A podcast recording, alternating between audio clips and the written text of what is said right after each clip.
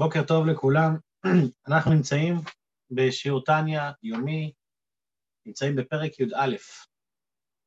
כמו שאמרתי גם בפעמים הקודמות, שבתחילת כל פרק חשוב גם uh, לשים את התמונה במפה הכללית. אז המפה הכללית של ספר התניא, לאחר שהאדמו"ר הזקן הסביר לנו את מהלך ומבנה הנפשות, נפש אלוקית מול נפש בהמית, הכוחות שלהם, הלבושים שלהם, המהות שלהם, וכל מה שסובב את הכל, האדמו"ר הזקן בעצם בפרק ט' מגיע ומעמיד לנו אותם אחד מול השני, ומתאר לנו את המלחמה, המלחמה מתנהלת כל הזמן בתוך אה, נפשו של האדם, בשתי הנפשות האלה. האדם צריך בעצם לבחור למי הוא רוצה להקשיב. הרצון של נפש אלוקית היא אבסולוטית, היא רוצה את כל הקופה, היא, היא לא מוותרת על שום פרט, וגם הנפש הבאמית לא מוותרת על שום פרט. הנפש הבאמית רוצה את האגו שלה, את המציאות שלה, בכל פרט ופרט, שזה גם ישפיע אפילו על השכל.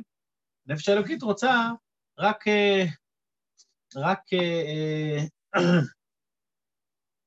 רק דברים טובים, רק דברים שמקשרים אותה אה, לאלוקות.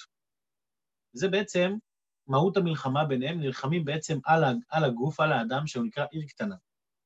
בפרק י' מגיע האדמו"ר הזקן ומתאר לנו מי הוא המנצח. המנצח הוא הצדיק, הסברנו שבצדיק יש צדיק וטוב לו, צדיק ורע לו. וההבדל ביניהם הוא שצדיק ורע לו זה שעדיין נשאר בו שמץ של רע, לעומת צדיק וטוב לו שאפילו השמץ הזה לא נשאר. המשותף לשניהם הוא ששניהם אין להם בכלל נפש בעמית. שני, שניהם בכלל, לא, אין להם רע, אין להם רע בכלל בנפש שלהם. כל המושג שאנחנו מכירים של מלחמת הנפשות, זה מושג שלא קיים אצל צדיק, כי הצדיק כבר סיים את המלחמה, ניצח אותה, גירש את הרע לגמרי, והרע לא בא לידי ביטוי אצלו לא במחשבה, לא דיבור ומעשה, ברור שהוא בכלל לא עובר עבירות, על זה בכלל לא מדברים, אלא מדברים על זה שאפילו תאוות אין לו. בפרק י"א מתאר אדמו"ר הזקן את הרשע. בעצם הרשע זה המפסיד, הוא מכונה כרשע, אבל הוא המפסיד במלחמה. לפני שנצלול לפרק י"א, גם חשוב להבהיר את זה גם בקשר לפרק י'. וגם להמשך, גם בקשר לבינוני. בספר התניא, אדמו"ר הזקן, גם אמרתי את זה כמה וכמה פעמים, אבל זה חשוב לחזור על זה כל הזמן. בספר התניא, אדמו"ר הזקן לא מדבר על, על מי שעושה מצוות או לא עושה מצוות, עובר עבירות או לא עובר עבירות, זה פחות העניין. זה שצריך לקיים את כל המצוות זה ברור. זה שצריך להימנע מעבירות זה ברור. פה מדובר בספר התניא על התנועה הנפשית של האדם. זאת אומרת, איפה אתה ובמה אתה מונח? מי אני באמת? זו השאלה שאדם צריך לשאול את עצמו, זה לא רק האם אני מסמן וי על החיים, האם אני בסדר בכל המעשים שלי, לא. זו שאלה, זה לא צריך לשאול את עצמך, צריך להיות בסדר. מה כן צריך לשאול את עצמך, את עצמי? מי אני? מי האני האמיתי שלי ומה המהות שלי? כשמדברים על המהות, אז פה אנחנו פתאום רואים באמת את ההבדלים, שאצל צדיק המהות הפנימית שלו זה מהות של טוב, שאין לו בכלל שום, שום רע. וכשאנחנו באים לדבר על הרשע, אז אנחנו לא מדברים על הרשע כאחד כזה שעובר עבירות. זה לא מה שמעניין אותנו בסיפור. מעניין אותנו מהלכי הנפש של הרשע.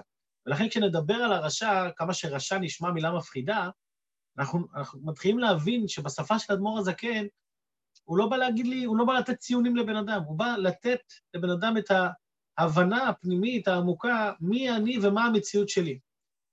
אז יכול להיות אחד כזה שמבחינתנו, אם היינו עושים לו מבחן, מבחן אה, יצאת צדיק, אז הוא יוצא צדיק גמור. אבל אם אנחנו מסתכלים באמת, בפנימיות, מי אתה, אז האני שלו לא צדיק בכלל. וזה מסביר לנו את מה שאנחנו נבין בהמשך, שרשע זה, רשע זה לא נמדד במעשים, זאת אומרת, יכול להיות אחד שהוא, בהליכות שלו הוא מאה אחוז. רק מה? הוא יכול להיות שפעם בשנה הוא נופל באיזה אומרים שאחד הפרקים שהכי מזדהים איתם בספר התניא זה פרק י"א. למה? כי בסוף בסוף, כמה שאנחנו נדבר על בינוני, אנחנו יותר מזדהים עם הדמות של הרשע. אה, ואפילו לפעמים עם הדמות של הרשע קשה להזדהות. למה?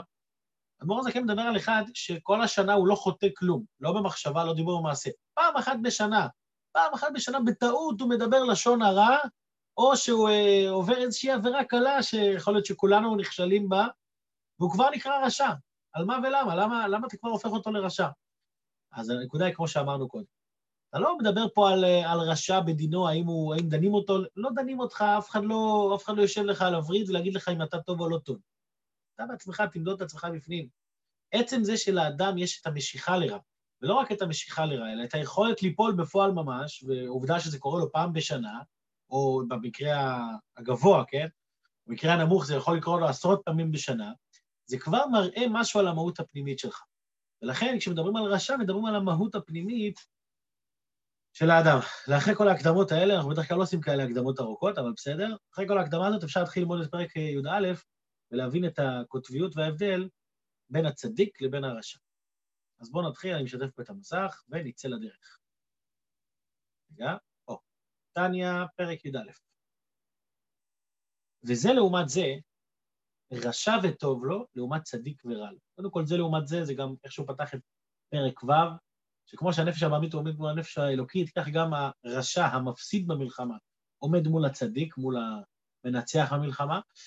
פה הוא מעמיד את הדרגה הנמוכה של הצדיק מול הדרגה הגבוהה של הרשע. זאת אומרת, גבוהה, גבוהה מלמטה למעלה. אז הוא אומר ככה, כמו שיש צדיק ורע לו, שהסברנו מה זה צדיק ורע לו, שהרע כפוף בבטל, אבל עדיין יש לו קצת, עדיין יש לו קצת, אה, קצת רע. אז אותו דבר גם ברשע יש את הדרגה הזאת, רק הפוך. רשע וטוב לו, מה זאת אומרת? שעדיין נשאר לו קצת טוב, אבל הטוב, הטוב הזה כפוף ובטל כלפי הרע. וזה לעומת זה, רשע וטוב לו, לעומת צדיק ורע לו. דהיינו, מה זה אצל הרשע? שהטוב שבנפשו האלוקית, שבמוחו ובחלל הימני שבליבו, כפוף ובטל לגבי הרע מהקליפה שבחלל השמאלי. זאת אומרת, מי, ה, מי הבעל הבית על הגוף, מי הבעל הבית על האדם, זה הרע. רק מה, יש לאדם טוב, האדם מורכב מטוב ורע, אז הטוב נמצא. רק שהטוב בטל, אין לו, אין לו בכלל דעה, הוא לא... אין לו, אין לו בכלל דעה ב, לעומת הרע שבאדם. רק מה? שגם בזה יש הרבה הרבה דרגות, זה לא, זה לא חד משמעי, זה לא, זה לא שחור או לבן לגמרי, אלא יש דרגות עד כמה הרע מבטל את הטוב. וזה מתחלק, אני קורא בפנים, וזה מתחלק גם כן לרבבות מדרגות חלוקות בעניין כמות ואיכות הביטול, וכפיפת הטוב לרע חס ושלום. יש מי שהכפיפה והביטול אצלו מעט מזער. הוא קצת, הוא בטל קצת, ואף גם זאת אינו בתמידות, ולא תדיר לפרקים קרובים. אלא לעתים רחוקים מתגבר הרע על הטוב, וכובש את העיר קטנה הוא הגוף. זאת אומרת שלא כל הזמן בן אדם נופל, זה, זה מה שנקרא, הוא מתחיל מלמעלה למטה, מהדרגה הגבוהה ברשע ו, רשע וטוב לו. זאת אומרת, הטוב, הטוב לא משתלט, רק מה? יש אחד כזה שזה, שזה קורה רק אחת ל, בתקופה. אבל מה, עדיין זה סימן שהטוב כפוף ובטל לרע. אז הוא אומר, לעתים רחוקים, זה קורה פעם בכמה זמן, מתגבר הרע על הטוב. עכשיו, לא רק שזה קורה לעתים רחוקים, יכול להיות שזה קורה גם במקומות מסוימים, לא רק בזמנים מסוימים, אלא במקומות מסוימים בנפש. אך לא כולו, אלא מקצתו לבד. זאת אומרת, זה, הוא לא שולט על כל האדם, הוא שולט על קצת, על חלק מהאדם. שיהיה שר למשמעתו, ונעשה לו מרכבה ולבוש, כמו שהסברנו באריכות בפרקים הקודמים, מה זה מרכבה, מה זה לבוש, להתלבש בו, אחד משלושה לבושי הנזכרים לאל. איזה לבושים? מחשבה, דיבור ומעשה. דהיינו, ממשיך את מור הזקן, או במעשה לבד, לעשות עבירות קלות. זאת אומרת, הוא אומר, אפילו הוא לא נופל בכל הדברים, הוא נופל בפרט אחד. זה יכול להיות פרט של מעשה, זה יכול להיות פרט של מחשבה, פרט של דיבור. שימו לב איזה רמה גבוהה מדובר פה, ועדיין זה נקרא רשע. זה רמה גבוהה. בן אדם שכל השנה הוא, הוא, הוא מצליח לשמור על עצמו, רק פעם, פעמיים בשנה, לעיתים רחוקים, הוא נופל, ובמה הוא נופל? אל תגיד שהוא נופל לגמרי. לא, הוא בסך הכל או במחשבה, מחשבה, תחשבו מה זה מחשבה, זה לחשוב מחשבה לא טובה על בן אדם. או, או במעשה, שהוא עושה משהו לא טוב, אחד. או בדיבור, שהוא מדבר דברים לא טובים. דיבור אחד, שימו לב, לא מדובר פה על כמויות, משהו בקטנה. דהיינו, או במעשה לבד, לעשות עבירות קלות ולא חמורות, חס ושלום. הוא מדבר פה על הרשע ברמה הגבוהה שלו. או בדיבור לבד, לדבר אבק לשון הרע וליצנות, וחי גבנה, וכיוצא בזה. או במחשבה לבד. שמה זה מחשבה לבד? הרהורי עבירה קשים מעבירה. אז כמובן, יש כאלה שיגידו, מה יותר חמור? האם יותר חמור ליפול במחשבה או במעשה? אז יש כאלה שיגידו שמעשה אתה עושה משהו רע, אז זה יותר חמור. יש כאלה שיגידו דווקא מחשבה, הרהורי עבירה קשים מעבירה, שלא תגיד שמחשבה היא יותר קלה ממעשה כי לא עשית דבר גשמי. אלא הפוך, המחשבה, אתה כביכול טימאת את הלבוש העדין שלך, אז תשמור על, ה, על הלבוש העדין הזה, כמו משי. כל לכלוך קטן הוא, הוא, הוא מתבטא שם. אבל פה הדבר הזה כן לא עושה את החילוק הזה. הוא אומר, מה העניין? העניין הוא שאתה, עצם זה שאתה מסוגל ליפול לדיבור אחד פעם בשנה, או למחשבה אחת פעם בשנה, זה כבר מראה שמה? שמי שולט לך על, על הגוף, על האדם, מי שולט על האדם? הנפש הבעמית. היא שולטת, היא ניצחה את המלחמה. רק מה? יש כמות ואיכות של עד כמה אתה נפלת. יכול להיות שזה קורה לך פעם בשנה, לא משנה פעם בכמה זמן זה יקרה לך. אבל עצם זה שנפלת, כבר נפלת.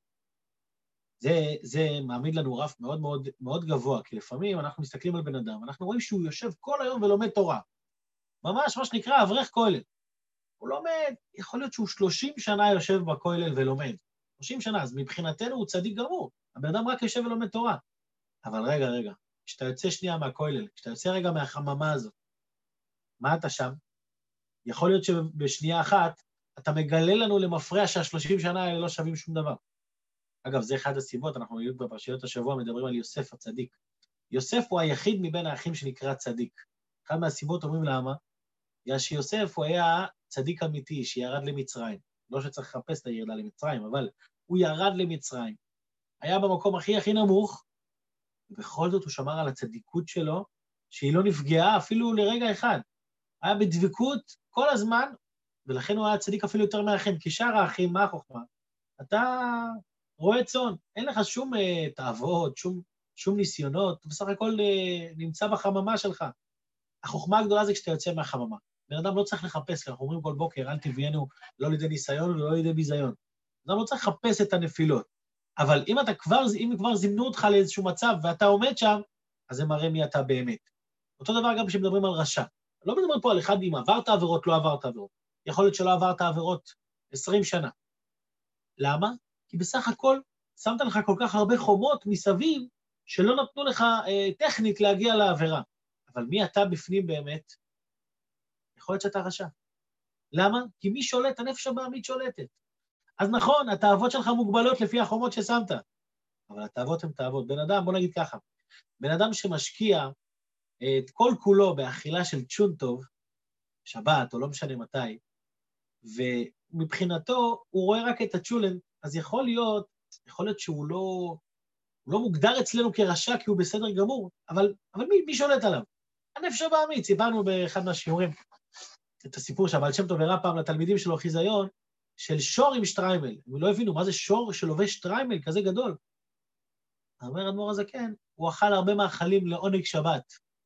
הוא רצה לענג את השבת, אבל בסוף הוא, הוא עינג את עצמו יותר מאת השבת. ולכן השטריימל נשאר, אבל מה מתחת לשטריימל זה שור. אכלת את הסטייק, נשאר את הסטייק. ולכן, הנקודה היא פה, זה לא עם כמה מצוות עשית, או כמה עבירות עברת. הנקודה היא מי אתה. ואם אתה אחד כזה, לא משנה כמה חומות תשים מסביבך, מדובר פה על בפנים. אם אתה אחד כזה שמסוגל, ולא רק מסוגל, אלא בפועל גם מדבר דברים לא טובים. לא, זה לא איזה דברי מוסר למישהו מסוים. אמרתי גם בהתחלה. אנחנו מאוד מזדהים עם פרק י"א, כי בסוף זה אנחנו, אין מה לעשות. אנחנו צריכים תמיד לשאוף להיות בינוני.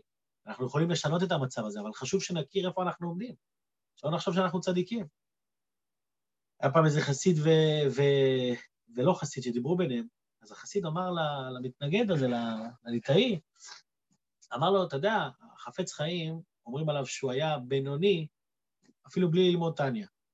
אז הוא, הוא נעלב, הבחור של, מה זאת אומרת? אתה בא להגיד על החפץ חיים שהוא היה בינוני? הוא היה צדיק. אז החסיד ראה שהוא לא הבין, הוא אמר לו, תשמע, בוא, בוא רגע. אה, אתה יודע מה זה בינוני? הוא למד איתו פרק י"ב ותענה שזה הפרק הבא, ושם כתוב שבינוני זה אחד כזה שלא עבר אף עבירה מימיו ולא יעבור לעולם. לא במחשבה, לא בדיבור, לא במעשה, שום דבר, כלום, כלום, כלום, כלום.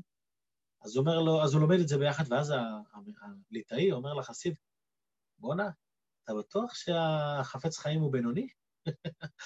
כאילו, יש פה דרמה גבוהה מדי, מה, יכול להיות שהוא לא...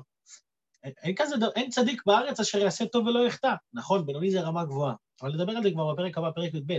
כאן אנחנו מדברים על, ה, על הפרקטיקה של מה זה רשע. רשע זה אחד כזה שיכול ליפול פעם אחת, כבר זה מראה מי אתה בפנים. אוקיי. וגם, ממשיך אדמו"ר הזקן, איפה, איפה אנחנו רואים, אני פה, איפה אנחנו רואים גם את, ה, את השליטה של נפש הבעמית על נפש האלוקית? וגם אם אינו מערער בעבירה לעשותה, אלא בעניין זיווג זכר נקבע בעולם. בסך הכל מדמיין את זה בראש שלו, אפילו לא, הוא, לא, הוא לא חושב תכלס. עצם הדמיון כבר לכלכת את הלבוש שלך, שעובר על אזהרת התורה ונשמרת מכל דבר רע, שלא יערער ביום וכולי. יותר מזה, אדמו"ר הזקן יורד לנו לעוד דרגה, או שהשעת הכושר לעסוק בתורה. אתה עכשיו אמור לשבת ללמוד תורה, במקום זה הוא מפנה ליבו לבטלה. אתה מעדיף להתעסק בדברים אחרים במקום להתעסק בלימוד תורה. כולם מכירים את זה, שאתה בדיוק יש לך חצי שעה עכשיו לשבת וללמוד, אבל אז הטלפון מצלצל, אז אתה, אתה כבר יודע בפנים, וואי, אכלתי אותה, זהו, נגמר. אבל רצית ללמוד חצי שעה, מה קרה? כדצנן, כמו שכתוב באבות, הנאור בלילה וכולי, הוא מפנה ליבו וכולי, שבאחת מכל אלה וכיוצא בהם, נקרא רשע בעת ההיא. למה הוא נקרא רשע בעת ההיא? שהרע, שהרע שבנפשו גובר בו ומתלבש בגופו ומחטיאו. ומטמאו. עכשיו, זה, יכול להיות שאחר כך בן אדם גם חוזר בו, ואחר כך, אומר אדמו"ר הזקן, גובר בו הטוב שבנפשו האלוקית, ומתחרט, ומבקש מחילה וסליחה מהשם. וכן, השם גם סולח לו, והשם יסלח לו אם שב בתשובה ראויה על פי עצת חכמינו זיכרונה לברכה. תכף נקרא בדיוק מה, מה, מה, מה הוא כותב פה, אבל בן אדם נופל וקם, נופל וקם. אין, אין פה, אין, אין, אין, אין בעייתיות עם הבן אדם. להיות בן אדם זה בן אדם של עליות וירידות. וכשאתה נופל, אתה, חוזר, אתה מתחרט על זה, אתה חוזר בתשובה, והשם גם סולח לך. לא מדברים פה אם אתה זכאי או לא זכאי, אבל מי אתה, זו השאלה. זו השאלה של פרק י"א. מי אנחנו באמת? ואם אני שייך לנפילה, אפילו שחזרתי בתשובה, עדיין המהות שלי נשארה אותו דבר. השם סולח לך, ויתרה מזו, אם שב בתשובה ראויה על פי הצעת חכמינו זכרונה לברכה בשלושה חלוקי כפרה, שהיה רבי ישמעאל דורש וכולי, כמו שכתוב במקום אחר. כאן אדמו"ר הזקן כבר רומז לנו על החלק השלישי בתניא, איגרת התשובה. שם אדמו"ר הזקן מרחיב, ואנחנו נגיע לזה בעזרת השם בשיעורים היומיים, מה זה תשובה על פי חסידות. אז בן אדם שעושה תשובה, הוא מתחבר חזרה לשורש שלו, והוא הוא, הוא באמת מתחרט, הכל טוב. אבל מה? בשעת, ה, בש, בשעת החטא עצמו, או הירידה, או הדיבור, או הביטול תורה, או לא משנה מה, באותה שעה, מי ניצח אצלך את המלחמה? הנפש הבאמינית. ולכן אתה נקרא מפסיד, אתה נקרא רשע, אבל איזה סוג רשע? רשע וטוב לו, כי עדיין נשאר בך טוב, והטוב הזה גם מתגבר מדי פעם. אבל זה שזה מתנדנד, זה לא הופך אותך לחצי-חצי, אלא זה הופך אותך ל, ל, למפסיד, כי, כי, אתה, כי אין לך שליטה על הגוף, אין לך שליטה על, על הנשמה שלך. אז זה הסוג הראשון ברשע, רשע וטוב לו. עכשיו אדמו"ר כן גם מדבר על רשע הרבה יותר גרוע, שזה רשע ורע לו. הרי מה אמרנו בדרגת הצדיק? אמרנו צדיק ורע לו זה שיש בו קצת רע. אבל מה זה צדיק וטוב לו? שגם הקצת הזה בטל לגמרי ולא נשאר ממנו כלום. אז אם נלך בצד השני, על רשע, מה יש לנו? רשע וטוב לו, שיש לו קצת טוב, אבל מה זה רשע ורע לו? שיש לו רק רע. זה הדרגה הנמוכה ברשע, שאצלו זה ממש כבר כביכול חסר תקנה, אבל כמו שאנחנו נראה לקראת סוף הפרק, אדמו"ר הזקן אף פעם לא אה, יש הבדל בין הצד הטוב לצד, ה, לצד הרע. בצד הטוב, כשביטלת את הרע, אין רע יותר, זהו. הרע נגמר ו... ועכשיו אתה צדיק כמוהו. בצד הרע, גם, אותו, גם אחד שהוא הכי רשע והכי רק רע לו, ואין לו אפילו טוב, אבל גם בו יש נקודה, יש נפש, נפש אלוקית שבחיים לא, לא נעלמת משם. אז בואו נמשיך. אני כאן. ויש, ויש מי שהרע גובר בו יותר, ומתלבשים בו כל שלושה לבושים של הרע.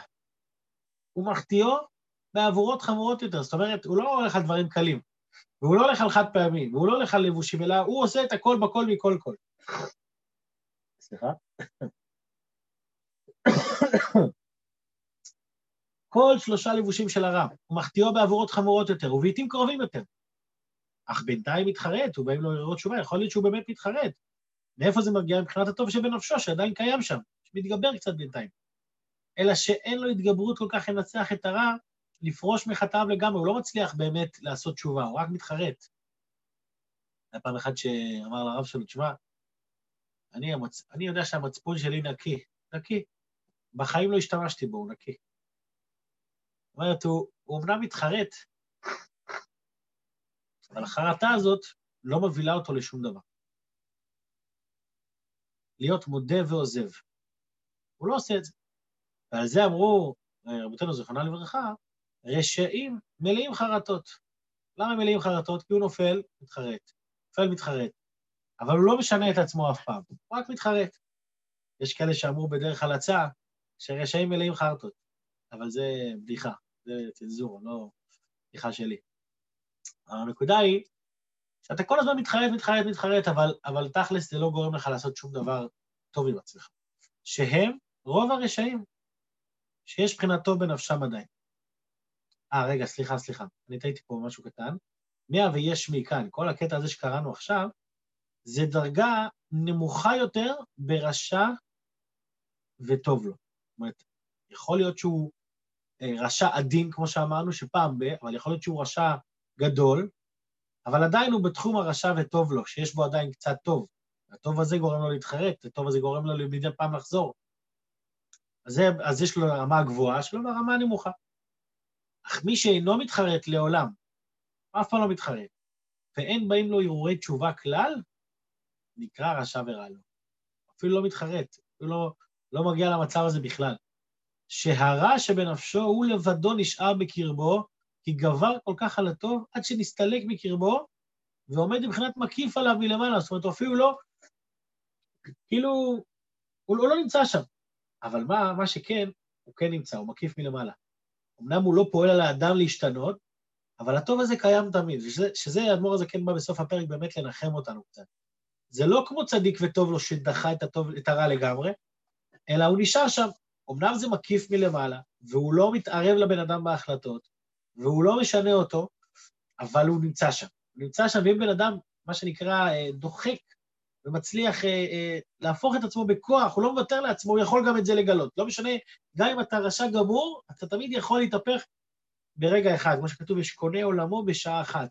הסברנו באחד השיעורים הקודמים על רבי אלעזר בן דרודיה, ששם את ראשו בברכיו וגאה בבכייה, ואמרו לו, גם רבי אלעזר מזומן לחיי עולם הבא. למה? כי לא משנה כמה רוע יש בך, הטוב נמצא שם וקיים. ולכן אמרו רבותינו, זיכרונה לברכה, כל בעשרה שכין דשריה, שעשרה אנשים מישראל נפגשים, שורה שכינה, ולכן אפשר להגיד קדיש, קדושה, דברים כאלה. למה? כי הטוב תמיד נמצא, והטוב אף פעם לא, לא עוזב את האדם לגמרי. עובדה שעשרה אנשים, אפילו, ש, אפילו שהם לא שומרים תורה ומצוות, ואפילו שהם הכי גרועים שכביכול אפשר להיות, עדיין הם מצטרפים למניין, אפשר להגיד איתם קדיש. למה? כי השכינה שורה שם. הנפש האלוקית של האדם היא כל כך חזקה, אז הם אומרים שזה כמו, מביאים על זה משל, שזה כמו אבן אש. מה זה אבן אש? אבן אש, אתה זורק אותה, היא יכולה להיות עשרות, מאות ואלפי שנים מתחת למים, וגם אחרי זה כשאתה מוציא אותה ואתה מחבר שני אבני אש אחד עם השני, נותן קצת מכה, בסוף יצא ניצוץ ויצא מזה אש. לעומת זאת, גחל, גחלת, אז שפכת עליה מים, היא כבר לא עובדת, זהו, אתה לא יכול להוציא מזה אש. אבן אש, אלפי שנים היא תהיה מתחת למים, אבל יצא ממנה. רק מה צריך? שני תנאים. שתי תנאים. סליחה, שני תנאים. תנאי ראשון, שתפגיש אותה עם עוד אבן אש. תנאי שני, לתת מכה. אז יש אחד כזה שאלפי שנים הנשמה מסתתרת בתוכו. אין לו שום רגש לאלוקות, אין לו שום... הוא מרגיש בלוק אחד שלם לגמרי. כלום, אני שום דבר. אלפי שנים. אבל אם אתה נפגש עם עוד, עם עוד אחד, וככה קצת משתפשפים, נותנים מכות, מה זה מכות? לגלות את הטוב הפנימי, לפעמים צריך קצת בכוח, קצת לשרוף יותר, לא לוותר לעצמנו. כשאני, כשאני שורף יותר ואני נותן את המכה הזאת, גם הניצוץ בסוף יכול להתגלות. אז לסיכום, מה למדנו בפרק י"א? למדנו על המפסיד במלחמה. המפסיד, יש, יש הרבה דרגות, דיברנו שלוש באופן כללי, שמתחלקים לשניים, רשע וטוב לו, רשע ורע לו. רשע וטוב לו בדרגה הגבוהה שלו, זאת אומרת, רשע עדין, זה אחד כזה שלעיתים רחוקות הוא נופל, אבל עדיין הוא רשע, כי במהות הוא רשע, הנפש הבאמית ניצחה אותו. רשע וטוב לו בדרגה הנמוכה יותר, זה מה שנקרא אנשים רגילים יותר, שהם נופלים מדי פעם, בפעמים קרובות ובכל התחומים, מחשבה, דיבור ומעשה. עכשיו, הראה לו זה אחד כזה שאפילו חרטות אין לו, והוא ברמה הכי הכי נמוכה, אבל גם לא תמיד יש תקווה, לא משנה. כל יהודי בסופו של דבר יכול לגלות על ידי קצת כוח, קצת שפשוף, לגלות הניצוץ הפנימי שלו. אחרי כל הדברים האלה, מגיע פרק י"ב, שזה השיעור כמו של מחר, ומתחיל להעמיד בפנינו את הבינוני, הרי התניא הוא ספר של בינונים. אם רשע זה אחד כזה שנופל פעם אחת, אז מה זה הבינוני? איך אפשר להגיע לרמה כזאת, שהוא אפילו לא נופל פעם אחת פעם בשנה? נשמע קצת מנותק ותלוש, אבל זה, זה המטרה של כל הספר. לתת לנו איך כל אחד יכול להיות בינוני, יכול להגיע לדרגה כזאת.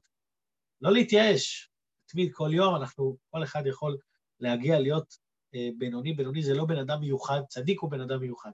אבל בינוני זה דבר ששייך לכל אחד ואחד. כשנלמד את זה ונראה את השלבים לאט-לאט, נראה שכל אחד יש לו את הפוטנציאל להגיע לרמה כזאת גבוהה, כמה שזה נשמע רוחני ומנותק, אבל זה נמצא בתוכנו. קצת לשפשף, קצת להרביץ, קצת לשרוף, אבל בסוף אנחנו נצליח. אז יישר כוח לכל המשתתפים בשיעור היום, על רב, רוב המדרת מלך. שיהיה בשורות טובות. יום טוב להתראות. יישר כוח, יום מבורך. יום טוב. שכוייח, שכוייח.